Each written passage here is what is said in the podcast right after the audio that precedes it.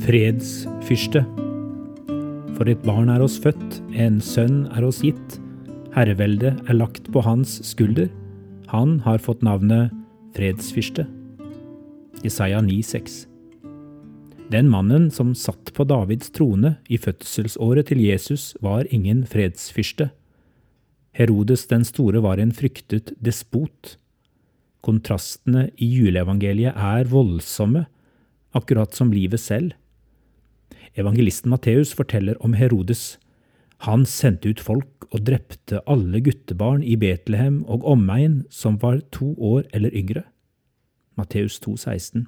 Dette skjedde kort tid etter at englene forkynte fred på jorden for alle mennesker, i dag er det født en frelser. Noen opplever det vanskelig å synge Deilig er jorden ved juletider og samtidig forholde seg til verden rundt seg. Dette paradokset finnes allerede i juleevangeliet. Den fred som englene forkynte, kan virke så skjør og midlertidig. Det er verdt å merke seg at Herodes drapsbølge er en direkte reaksjon på at godhetens krefter har brutt inn i verden. Det var ikke siste gang dette skjedde i møte med Kristus, hans budskap og hans etterfølgere. Når lyset utfordrer mørket, kan vi alltid forvente en desperat motoffensiv.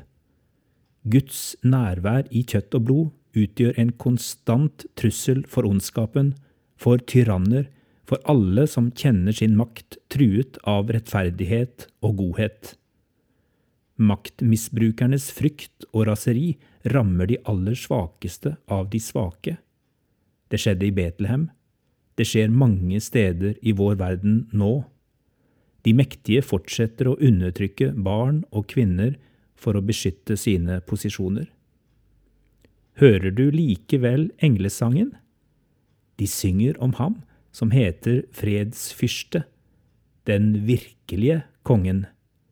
Han kom for å sette i gang et revolusjonstog av kjærlighet og rettferdighet som til slutt skal seire over tyrannene, sette undertrykte fri og avslutte alle kriger.